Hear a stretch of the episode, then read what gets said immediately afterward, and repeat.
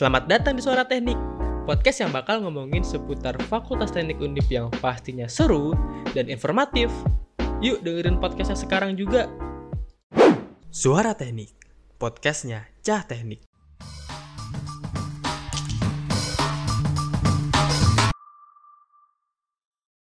Oke, selamat pagi, siang, sore, atau malam. Perkenalkan, nama aku Muhammad Firdaus dari Teknik Geodesi Angkatan 2020. Selamat datang di Positif, podcast figur prestatif yang akan membahas seputar figur-figur berprestasi di Fakultas Teknik Universitas Diponegoro. Kali ini, kita sudah kedatangan salah satu figur berprestasi dari Departemen Teknik Kimia. Oke, langsung saja. Ini dia Mbak Afriza. Halo Mbak Afriza. Halo Dek Firdaus, halo semuanya. Apa kabarnya Mbak? Alhamdulillah baik. Gimana Dek kabarnya? Alhamdulillah baik. Nah, boleh aja, boleh langsung aja Mbak memperkenalkan diri. Oke. Halo semuanya pendengar podcast ini. Perkenalkan nama saya Afiza Nimatu Saadah, biasa dipanggil Afiza. Saya adalah mahasiswi Departemen Teknik Kimia Universitas Diponegoro, angkatan 2018. Salam kenal semuanya. Oke. Nah, Mbak, aku mau nanya-nanya nih Mbak, eh, seputar eh, prestasi-prestasi yang udah Mbak raih. Nah, yang sebelum ke sana, aku mau nanya, sejak kapan Mbak ikut eh, perlombaan-perlombaan baik secara akademik maupun non-akademik? Oke, it's good question Firdaus. Eh, jadi kalau ditanya sejak kapan ikut lomba gitu ya, sebenarnya Mbak ikut lomba mulai dari semester 1 akhir. Tetapi waktu semester 1 itu hanya sekedar mengirimkan naskah untuk diikut diikutkan lomba gitu ya, tetapi masih, masih belum menjadi finalis. Nah, Mbak menjadi finalis untuk pertama kalinya itu di semester 2. Mbak ingat betul nama perlombaannya itu adalah Chemical Engineering Car Competition atau biasa disebut sebagai iCheck. Nah, perlombaan ini itu merupakan perlombaan yang levelnya adalah international yang diselenggarakan oleh ITS. Seperti itu. Jadi, waktu itu pada perlombaan itu Mbak dan tim merakit suatu prototipe mobil itu yang dapat bergerak berdasarkan reaksi kimia dan waktu itu kami berangkat ke ITS sebagai finalis. Seperti itu deh. Wah, berarti eh, sudah lumayan lama ya Mbak berkecimpung di eh, dunia perlombaan ini. Iya, Ah. alhamdulillah. Nah, Mbak, aku mau tanya dong, eh, selama ikut eh, banyak perlombaan tadi, prestasi terbesar yang pernah diraih eh, apa ya Mbak? Oke, Em, mungkin Mbak jawabnya bukan berdasarkan eh, achievement yang diraih gitu ya, tetapi mungkin lebih kepada value yang Mbak dapatkan ketika mengikuti perlombaan tersebut. Kalau ditanya tentang eh, prestasi terbesar yang pernah diraih itu adalah juara dua lomba karya tulis atau paper competition yang diselenggarakan oleh eh, IC atau eh, Association dari Chemical Engineering se-Indonesia. Itu termasuk IC ITB, kemudian IC ITS, IC Universitas Pertamina, dan juga IC Universitas Indonesia. Nama lombanya waktu itu adalah IC Indonesia Student Conference. Alhamdulillahnya Mbak dan tim dapat menjadi juara dua di perlombaan ini gitu. Dan kenapa Mbak bilang kalau perlombaan ini sebagai prestasi terbesar gitu? Karena melalui kompetisi ini Mbak mendapatkan banyak sekali value gitu. I can learn a lot of things dari perlombaan ini gitu. Dan melalui perlombaan ini, jiwa Mbak sebagai chemical engineering student itu sangat-sangat tertantang gitu. Mbak bisa membuat eh, PhD, membuat eh, perancangan pabrik dan lain sebagainya sehingga saya pikir ini adalah perlombaan yang paling besar dan paling bagus yang pernah saya ikuti seperti itu deh. Wah, keren banget ya teman-teman. Nah, eh, aku mau nanya lagi nih Mbak, Eh, selama mengikuti perlombaan-perlombaan tersebut, kendala atau eh, mungkin tantangan yang eh, sering ditemui Mbak selama eh, mengikuti perlombaan-perlombaan tersebut seperti apa Mbak? Oke, ini sama halnya dengan beberapa orang yang sempat menanyakan hal yang sama dengan saya gitu ya. Apa sih kendalanya Mbak kalau ikut lomba-lomba gitu? Sebenarnya kendalanya banyak gitu ya, tetapi mungkin yang saya bicarakan dalam podcast kali ini dua kendala saja. Kendala yang pertama itu adalah terkait partner deh gitu.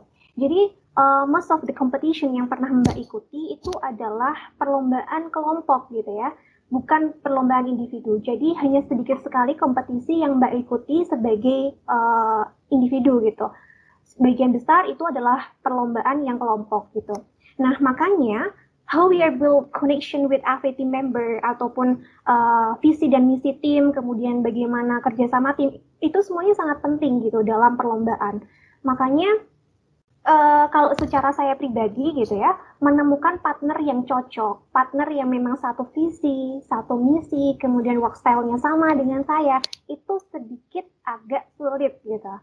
Sehingga saya baru bisa menemukan partner yang memang cocok, itu baru di semester 4 deh. Sedangkan saya kan mulai lomba kan mulai dari semester 1. Nah, makanya tuh agak menemukan kendala-kendala waktu semester 2, semester 3, kayak gitu. Padahal alangkah lebih baiknya gitu ketika kita menemukan partner yang cocok itu mulai dari semester 1. Nah, mungkin nanti dari teman-teman BEM bisa ini kali ya mewadahi untuk teman-teman ingin mencari partner yang baik gitu. Kemudian yang kedua itu adalah terkait mentor deh. Jadi perlombaan yang saya ikuti itu backgroundnya bervariasi, bukan hanya chemical engineering saja, tetapi saya juga terjun di perlombaan yang backgroundnya adalah petroleum engineer.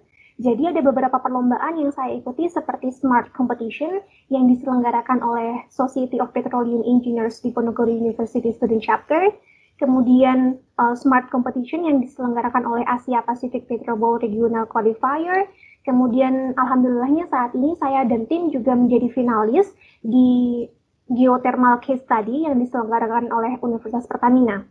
Dan beberapa kompetisi yang saya sebutkan tadi, ya, itu tuh bukan chemical engineering sama sekali gitu, tapi itu adalah petroleum engineering.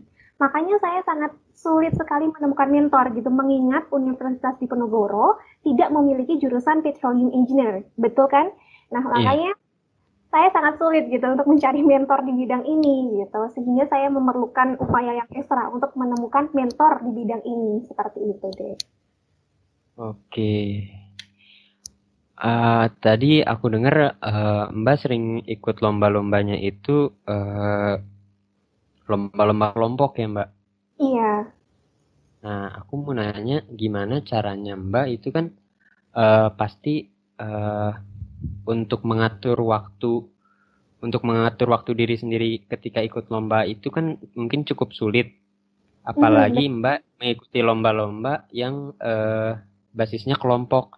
Nah, aku iya. mau nanya gimana cara Mbak uh, memanage waktu Mbak supaya uh, dengan mengikuti perlombaan ini secara akademik Mbak juga tidak terganggu. Mm-hmm. It's good question, David Dawes. Oke, okay. uh, jadi mungkin seperti ini ya. Uh, saya akan memaparkan bagaimana manajemen waktu saya, bukan hanya terkait dengan competition, tetapi juga terkait dengan hal-hal lain misalnya. Uh, ada beberapa poin penting yang perlu kita ketahui untuk bisa memiliki manajemen waktu yang baik. Yang pertama itu adalah menetapkan tujuan. Misalnya saja, uh, achievements apa saja yang ingin kita raih selama kita menjadi mahasiswa di Undip. Ataupun uh, jabatan fungsional apa yang ingin kita raih atau kita duduki selama menjadi mahasiswa Undip. Ataupun startup apa saja yang ingin kita bangun dan tujuan-tujuan lainnya, begitu ya. Nah, kalau kita ambil contoh, misalnya yeah. saja saya gitu uh, memiliki beberapa tujuan selama saya menjadi mahasiswi di Undip. Tujuan saya itu adalah akademik, penelitian, organisasi, dan juga competition. Setelah kita menetapkan tujuan, maka hal selanjutnya yang perlu kita lakukan adalah menyusun prioritas. Seperti itu. Misalnya saja kalau saya, prioritas saya adalah yang pertama tentunya akademik gitu. Kemudian yang kedua baru penelitian, yang ketiga baru uh, competition, kemudian yang keempat baru organisasi. Setelah menetapkan prioritas gitu, kita harus menyusun jadwal. Nah, jadwal yang kita susun itu harus based on your priority gitu, harus disusun berdasarkan prioritas yang teman-teman uh, tetapkan. Misalnya saja kalau saya tadi dari empat tujuan itu jadwal saya seperti ini. Paginya nanti saya kuliah gitu kan, kemudian siangnya baru saya penelitian di laboratorium, kemudian sorenya saya baru uh, meeting gitu bersama dengan tim terkait dengan kompetisi. Baru malamnya saya spare waktu untuk meeting bersama dengan teman-teman organisasi saya dan lain sebagainya seperti itu. Kemudian poin selanjutnya yang perlu teman-teman ketahui terkait dengan manajemen waktu itu adalah bersikap asertif gitu. Kalau misalnya pernah dengar kata asertif gitu, asertif ini adalah suatu tindakan uh, atau suatu perilaku untuk tegas mengatakan tidak. Nah, poin ini atau bersikap asertif ini adalah kebanyakan teman-teman tidak melakukan gitu. Misalnya saja uh, teman-teman memiliki banyak organisasi gitu ya. Di organisasi A teman-teman diminta menjadi uh, depart ketua departemen publikasi misalnya. Terus teman-teman ditawari tersebut mengatakan, oke okay, iya gitu, sanggup. Di organisasi lain, di organisasi B, teman-teman nantinya ditawarin jabatan sebagai ketua himpunan gitu misalnya. Terus karena nggak enak hati gitu ya, bilang oke okay, iya bisa gitu. Kemudian di lain uh, tempat teman-teman diajak untuk mengikuti kompetisi. Ayo ikut aku kompetisi ini chemical engineering gitu. Oke okay, iya bisa gitu. Nah karena teman-teman kebanyakan ngomong iya gitu ya, karena nggak enak hati untuk menolak teman, makanya teman-teman nantinya bakalan mendapatkan banyak sekali aktivitas ya, tugas yang menumpuk dan justru itulah yang membuat manajemen waktu teman-teman menjadi buruk gitu. Jadi eh, teman-teman tuh harus bisa berkata tidak untuk hal-hal yang memang tidak sesuai dengan passion, tidak penting, tidak sesuai dengan minat dan bakat uh, dari teman-teman. Seperti itu sih dek kalau misalnya kita uh, memanajemen waktu khususnya saya ya seperti itu. Baik. Uh, berarti uh, selama jadi mahasiswa undip ini kita harus yang pertama kita harus punya tujuan dahulu. Setelah yeah. itu iya. kita harus punya skala prioritas begitu ya Mbak? Iya betul sekali. Wah keren banget ya teman-teman. Nah sebelum kita akhiri aku uh, boleh minta sepatah dua patah kata atau mungkin boleh kalimat motivasi buat teman-teman yang mungkin ingin seperti jadi Mbak Afriza ini gitu. Oke. Okay. Uh, eh, uh, disclaimer aja, saya mahasiswi biasa gitu ya. Saya masih banyak sekali kekurangannya. Uh, dan terutama untuk di Firdaus juga ya baru angkatan 2020 saya yakin waktu De Firdaus untuk uh, berkarya atau berkarir di Universitas Diponegoro itu masih panjang, tetapi De Firdaus juga tidak boleh membuang waktu eh, sia-sia gitu. Kalau ditanya terkait dengan kata motivasi, mungkin yang bisa saya berikan atau yang menjadi pedoman hidup saya gitu ya adalah keep going and never quit. Think big, feel strong, and try hard with your heart. Jadi uh, terus aja melangkah meskipun banyak sekali tantangan, hambatan uh, yang mungkin menghambat kalian dalam berkarya. Kemudian kalian harus bisa berpikir secara bebas, secara besar gitu. Kemudian harus memiliki kekuatan hati yang kuat serta berdoa dengan tulus.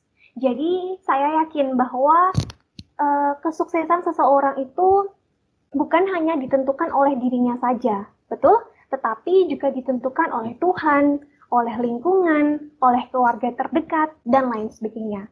Makanya selama kita masih memiliki umur gitu ya, kita harus selalu memiliki good connection with your God, with your family, atau dengan kolega-kolega kita. Mungkin seperti itu yang bisa saya sampaikan. Semoga bisa memotivasi sedikit gitu teman-teman pendengar podcast ini. Oke, keren banget ya teman-teman pengalaman dari Mbak Afriza tadi. Semoga bisa memotivasi teman-teman dan juga bisa bermanfaat buat teman-teman. Mungkin cukup sekian episode positif hari ini. Jangan lupa follow IG kita di @ristekbem Sampai jumpa di episode berikutnya.